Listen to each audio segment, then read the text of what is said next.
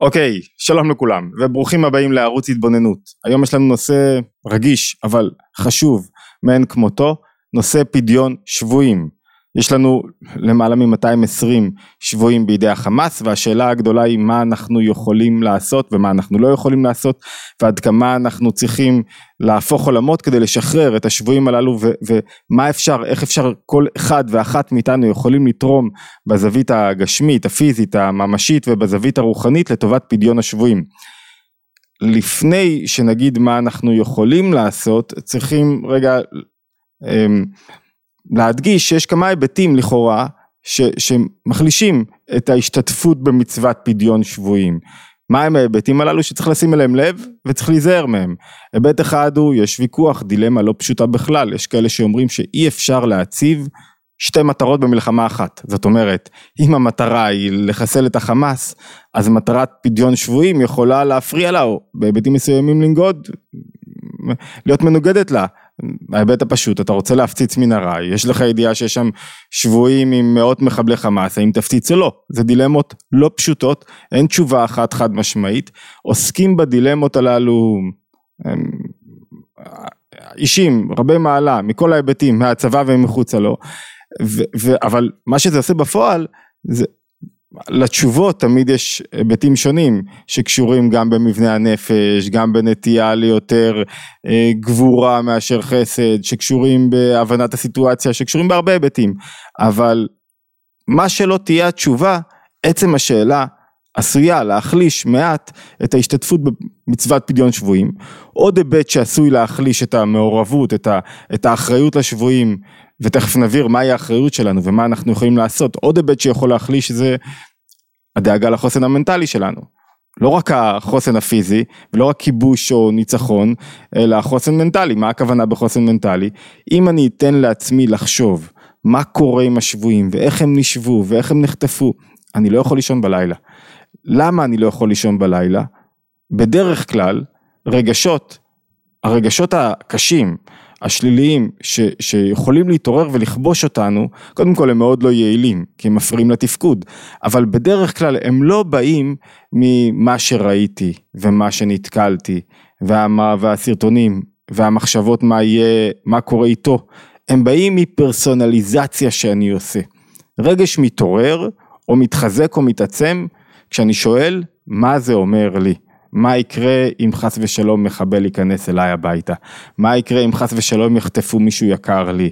מה יקרה אם? מה יקרה איתי? כשאני שם את עצמי במרכז, אז הרגשות הולכים ומתעצמים.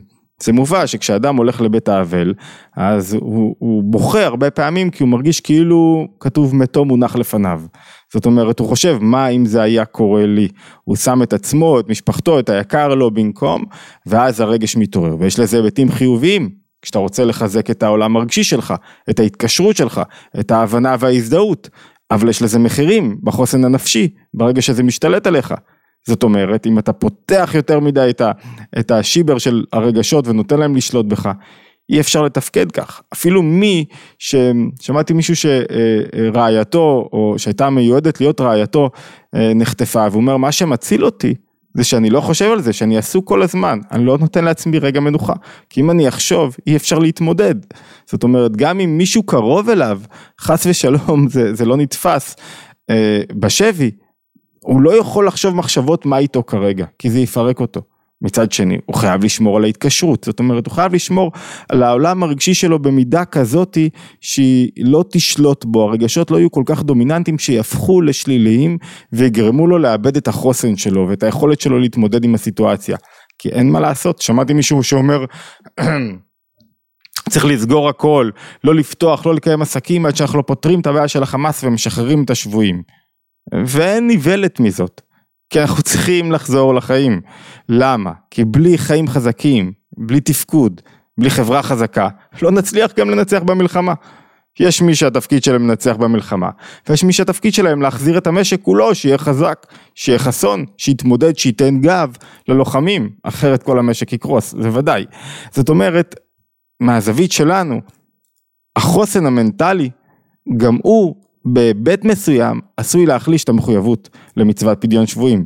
ונקודה שלישית זה שאני אומר, זה לא בידיי, אין לי מה לעשות עם זה. יש אנשים גדולים ממני, יש אנשים חשובים ממני, הם אמורים לפתור את הבעיה, את מצוות פדיון שבויים, ולכן אני כאילו מסיר אחריות.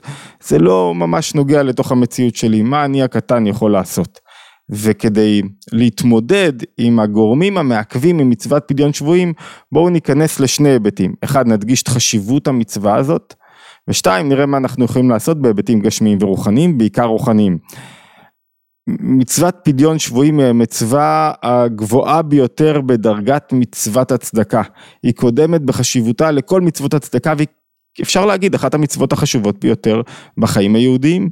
כותב ככה הרמב"ם בהלכות מתנות עניים, הלכות מתנות עניים, הוא כותב פדיון שבויים קודם לפרנסת עניים ולכסותן ואין לך מצווה גדולה כפדיון שבויים. זאת אומרת מי שנותן צדקה, הצדקה הגבוהה ביותר היא לפדיון שבויים. שהשבוי הרי הוא בכלל הרעבים והצמאים והערומים ועומד בסכנת נפשות. והמעלים מעיניו מפדיונו, מי שלא עושה מעשה כדי לפדות את השבוי, הרי זה עובר על כל כך הרבה דברים והוא מביא פה ציטוטים, לא תאמץ את לבבך ולא תקפוץ את ידיך. ולא תעמוד על דם רעך, וביטל מצוות פתוח תפתח את ידך לו, ומצוות וחי אחיך עמך, ומצוות ואהבת לך כמוך, ועוד הרבה דברים כאלו, ואין לך מצווה רבה כפדיון שבויים, אומר הרמב"ם. והוא מבסס את הדברים שלו על מה שכתוב אצל הנביא ירמיה. והיה כי יאמרו אליך, אנה נצא, איך נלך, ואמרת להם, כל אחד יש את הגורל שלו, אשר למוות, למוות, ואשר לחרב, לחרב, ואשר לרעב, לרעב, ואשר לשבי, לשבי. ואומר על זה, אומר על זה רבי יוחנן, כל המאוחר בפסוק זה, קשה מחברו. זאת אומרת, חרב יותר גרוע ממוות, ורעב יותר גרוע מחרב, כי חרב המוות הוא לכאורה איטי, ושבי הוא גרוע מכולם שיש בו מכולם. ואומר על זה אפילו בעל השולחן ערוך, רבי יוסף קארו. שכל רגע שאדם מאחר לפדות שבויים שהוא יכול לפדות אותם ולא מאבדה אותם, הווי כאילו שופך דמים.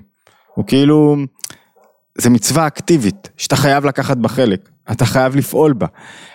יותר מזה, יש לה גם היבטים חיוביים, למשל ספר המידות כותב שפדיון שבויים הוא סגולה להולדה.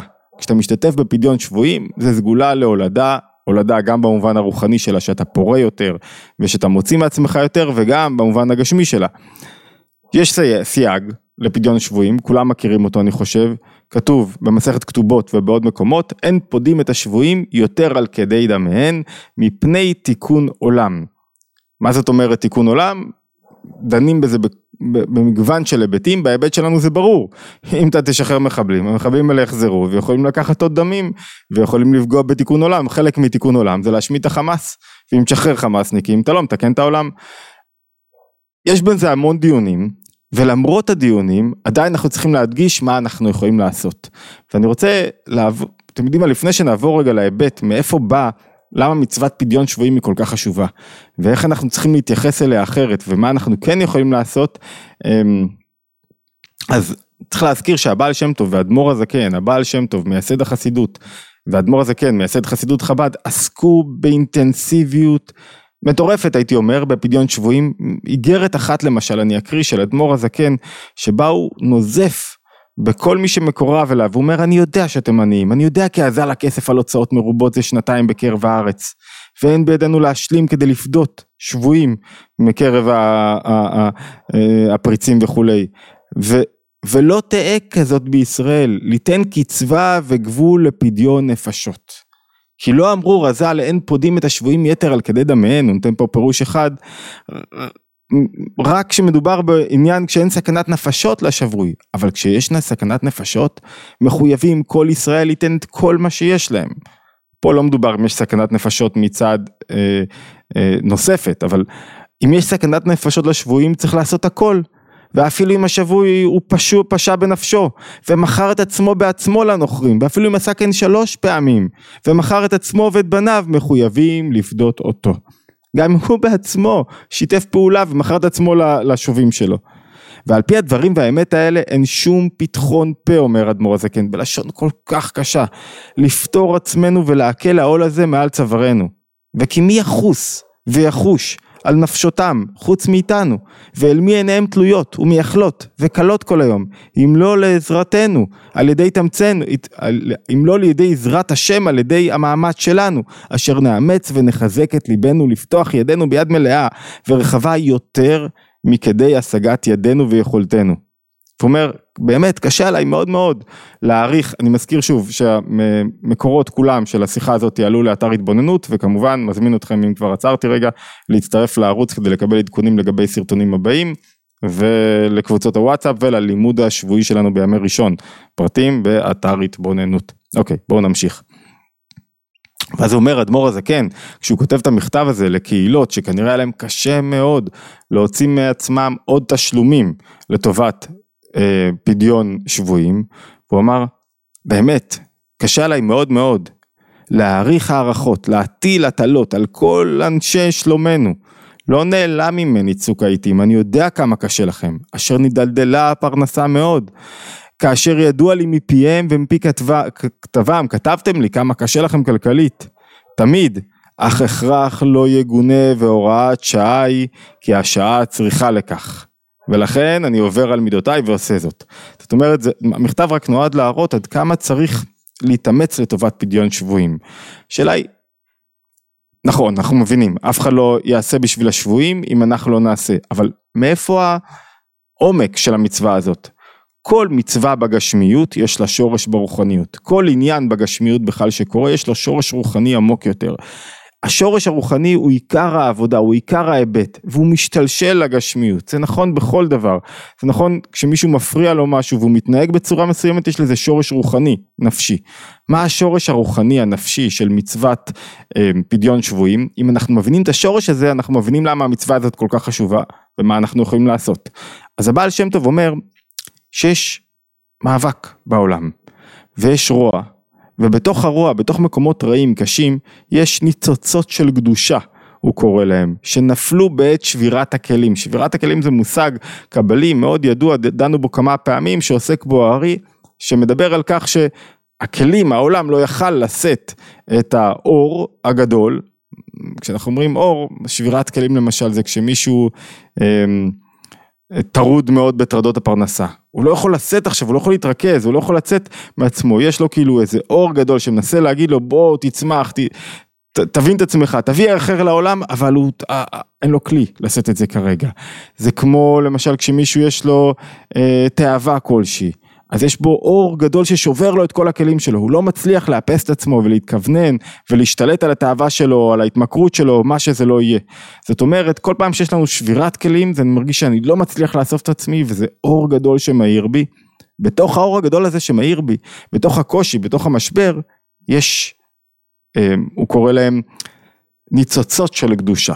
יש משהו שצריך לפדות אותו ולהוציא אותו החוצה, וצריך לברר אותו, והניצוצות הללו, אין לך דבר גדול מזה. זאת אומרת, במידה מסוימת, אומר הבעל שם טוב, האדם נזרק לתוך העולם, בא לעולם, הוא מתמודד עם המון רוע, המון קושי, המון יצרים, המון טרדות, המון בלבולים, ובתוך הבלבולים הללו יש ניצוצות של טוב, שהם חבויים בתוך הרע, מאז חטא עץ אדם הקדמון הטוב והרע מעורבבים זה בזה, ולכן האדם הקדמון מיד אחרי האדם הראשון, מיד לאחר החטא, פתאום הוא והתבושש, הוא פתאום רואה את הרע, והוא רואה שהרע מסתיר הרבה פעמים על הטוב, והתפקיד המשמעותי ביותר של האדם בעולם זה לברר את הטוב מהרע, לשלוף את הניצוצות החוצה. התהליך הזה של שליפת הניצוצות של ברור הטוב מהרע, של לגלות את הדבר הטוב בכל דבר רע שקורה לי, ולהדגיש אותו, ו- ולמנוע את הרע ולהפריד אותו מהרע, נקרא מצוות פדיון שבויים ברוחניות. ואין לך מצווה גדולה מזאת, כי בשביל זה בא האדם לעולם. הוא אומר ככה, בפרט אם בן המלך בבית הסורים, האדם, בן המלך זה כל אחד מאיתנו, ובא אדם אחד בהשתדלותו, והוציאו מבית האסורים מעבדות לחירות, ששכרו כפול ומכופל, הרי זה קצם לחושך. פתאום קרה פה משהו יוצא דופן, מישהו הוציא אותך מאפלה לאורה.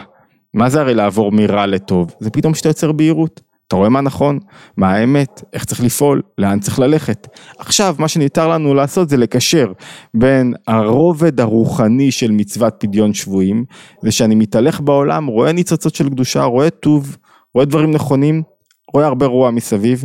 לפעמים כשיש לי חוסר יכולת להבדיל בין השניים, אני נשאר בתוהו, כי אני לא יודע להבחין בין הטוב לרע. עיקר העבודה שלי לפדות את הטוב מהרע. את זה אנחנו צריכים לקשור עם מצוות השבויים ברוחניות ובגשמיות ממש, עם השבויים שלנו, עם 224 חטופים. מה עושים? אומר ככה, אומר אה, בליקוטי הלכות רבי נתן, הוא בעצמו קושר את שני הדברים, הוא אומר מצווה גדולה היא מצוות פדיון שבויים גדול מכל הצדקות. ובאמת, כי על כל הצדקות, כאילו זה המצווה הגדולה ביותר, והיא, באה לידי ביטוי ברוחניות, ברוחניות, והוא אומר על אחת כמה וכמה כשיש שבויים ממש. דהיינו שאחד מישראל שבוי חס ושלום, זהו עיקר מצוות הצדקה. אחד מישראל, לא 224. כי כשישראל שבוי הוא גלות השכינה ממש. אנחנו מאוחדים, אנחנו אחד, אי אפשר לחיות, אי אפשר להגיע לשלמות אישית, אי אפשר להתקדם ממש, כשיש לנו אחד שהוא שבוי. צריך לעשות משהו, ועל כן על ידי צדקה זו, כל אחד צריך לתת את הצדקה שלו, צדקה שלו זה לא הטובה שהוא עושה, זה הצדק, זה החלק שבתוך החיים שלו, שהוא חלק מהצדק, שהוא מברר מה טוב, מה נכון, ועל ידי הצדקה הזאת, הוא מביא, שזהו עיקר בחינת הצדקה, וצדקה זו גדולה מכל, על ידי הצדקה הזו הוא משחרר את השכינה מהגלות. בואו נוריד את זה רגע למטה. ונבין על מה מדובר, מה אנחנו צריכים לעשות. יש מאמר מאוד יפה של הרבי מלובביץ', הבנו עד עכשיו עד כמה מצוות אה, פדיון שבויים חשובה, הבנו מה השורש הרוחני שלה, שהעולם מלא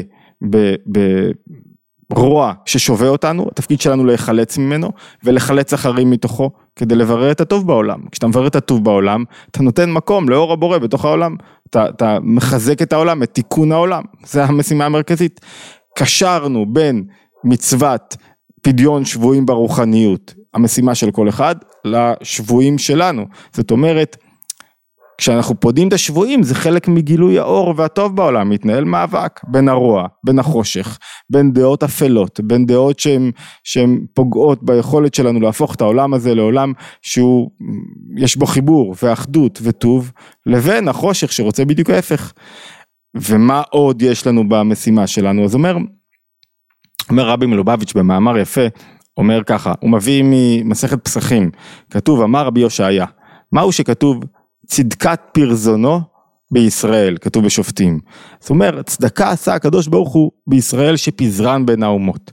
אחד הדברים הטובים שהרבי מלובביץ' מוצא בכך שיש קהילות יהודיות ברחבי, במקומות שונים בעולם, זה שאם קהילה אחת היא נמצאת באפלה, בחושך, בקושי, קהילות אחרות יכולות לא רק לעזור לה, אלא להמשיך ולשמור על הדברים, להמשיך לשמור על הגחלת, להמשיך לעשות דברים נכונים וטובים.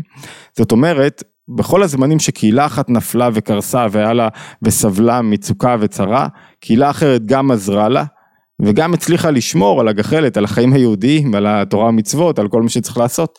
וה, הזאת היא אחת הצדקות שהקדוש ברוך הוא עשה. עכשיו הוא לוקח את זה כמשימתיות, זאת אומרת, במובן הרוחני כשמישהו למשל שבוי בגשמיות, יושב במאסר, הוא לא יכול לצאת.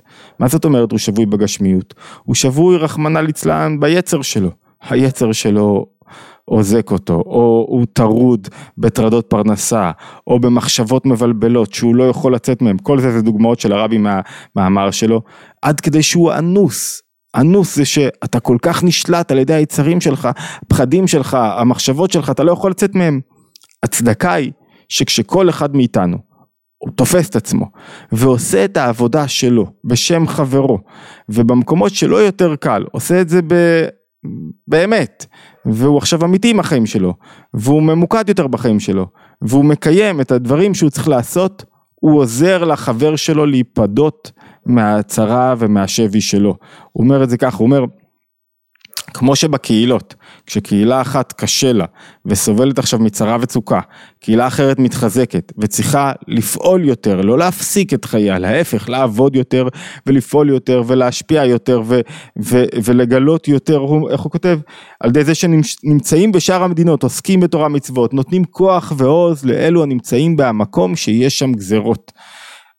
אני חושב שהמאמר הזה נאמר על רקע אמ, מה שקרה בברית המועצות, שיהודים היו במצב קשה מאוד, בשבי, לא יכלו לקיים חיים יהודיים, אומר דווקא על רקע זה שאנחנו בארצות הברית נמשיך לעשות את הדברים כמו שצריך, בכוח ובעוז, ואלו שרואים אותנו מסתכלים במקום שיש גזרות, הם אומרים וואו, יש עתיד, יש תקווה.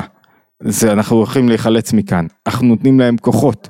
זאת אומרת המשימה של כל אחד זה אחד פה להמשיך לחיות, לדעת שיש לנו מחויבות אדירה לפדיון שבויים, זאת אומרת גם בעולם הרוחני לחפש את הטוב בכל דבר, להפסיק להיות עסוקים בקטנות, להתחיל לדעת במה, איך אני מנצח את הקרבות שלי. לצד זה לא לשכוח את השבויים עצמם, זאת אומרת מצד אחד לא לתת לזה להשתלט עליי מבחינה רגשית כי אז אני לא אוכל להתפקד, מצד שני לא לשכוח שכל מה שאנחנו צריכים לעשות כדי לפדות את השבויים אנחנו צריכים לעשות. אני לא נכנס לוויכוח כי זה באמת שאלות נקודתיות, זה לא שאלה תיאורטית. זה שאלות נקודתיות, מתי להפציץ ומתי לא, אני לא יודע, אני לא בטוח שמישהו יודע עד הסוף ואני לא מקנא במי שמקבל את ההחלטה, אבל צריך לזכור שהמשימה של כולנו היא כל הזמן לחשוב על השבויים, אנחנו לא יכול להיות שלמים, לא יכול להיות ששולחן השבת של מישהו, אתם יודעים מה, שולחן השבת צריך להיות שמח, המקום שבו אתה, הבית שלך צריך להיות שמח, אבל לא יכול להיות שלא יהיה בו זיכרון רגע לשבויים. שהם חלק ממני, ושאני רוצה להשתפר עבורם. כי אני יודע שעכשיו אני לא שבוי בתחום מסוים, אז אני צריך לעשות הכי טוב שאפשר. כדי להצליח בתחום הזה, אני לא יכול לבזבז זמן, אני לא יכול להתעסק בשטויות, לא יכול לתת לחרדות להציף אותי, למה? כי זה חלק ממצוות פדיון שבויים, זאת אומרת חלק ממצוות פדיון שבויים זה שכל אחד ממשיך בעוצמה גדולה יותר והוא יודע שהוא עושה את זה בשביל חברו ששבוי ולא יכול כרגע. וזה חלק מהערבות ההדדית, ואם הוא נצטרך לפתוח את הכיס, לעשות כל מה שצריך כדי לעזור להם, בוודאי, על אחת כמה וכמה, איך אדמו"ר הזה כן אומר, בלי שיעור, כל מה שצריך כדי לפדות השבויים, ודאי, זה, זה, זה, זה הצדקה הגבוהה ביותר, זה העניין המרכזי ביותר, אבל מעבר לזה, זה לא רק ש... צריך לעצור את הכל להפך, צריך לחיות יותר ולקיים יותר את כל מה שאנחנו יכולים ועל ידי מצוות צדקה זו נעשים, מסביר הרבי הרייצב מביא מכמה מקורות, זכים אלף פעמים ככה. זאת אומרת, בפרט כשעוסק בפדיון שבויים, שבגלל שהמצווה הזאת כל כך גדולה, כשאתה פודה שבי ברוחניות, מגלה את הטוב מתוך הרע, זה מסייע לגלות את הטוב מתוך הרע גם בגשמיות בסופו של דבר. זו היסוד למחשבה היהודית שכל פעולה רוחנית נפשית, כל ניצחון נפשי, כל ניצחון על יצר וחרדה ועצבות ו- וחוסר אונים ו- וקושי, כל ניצחון כזה משפיע על העולם הגשמי בפועל ובממד הרוחני שלו. זה העיקרון, זה יסוד מעצב בחיים היהודיים ולכן אני חושב שדווקא מצוות פדיון שבויים מחייבת אותנו להמשיך בשיא הכוח ולחייך ולחזור לחיים כמו שאמרנו באחד הסרטונים השבוע, השבוע וכל אחד יכול לעשות מה שאחר לא יכול לעשות ביותר חדווה ויותר עוז ואם ברגע מסוים או בכל רגע אנחנו צריכים להיות יותר עניים, מה השבויים צריכים להיות, לעשות, צריכים מאיתנו.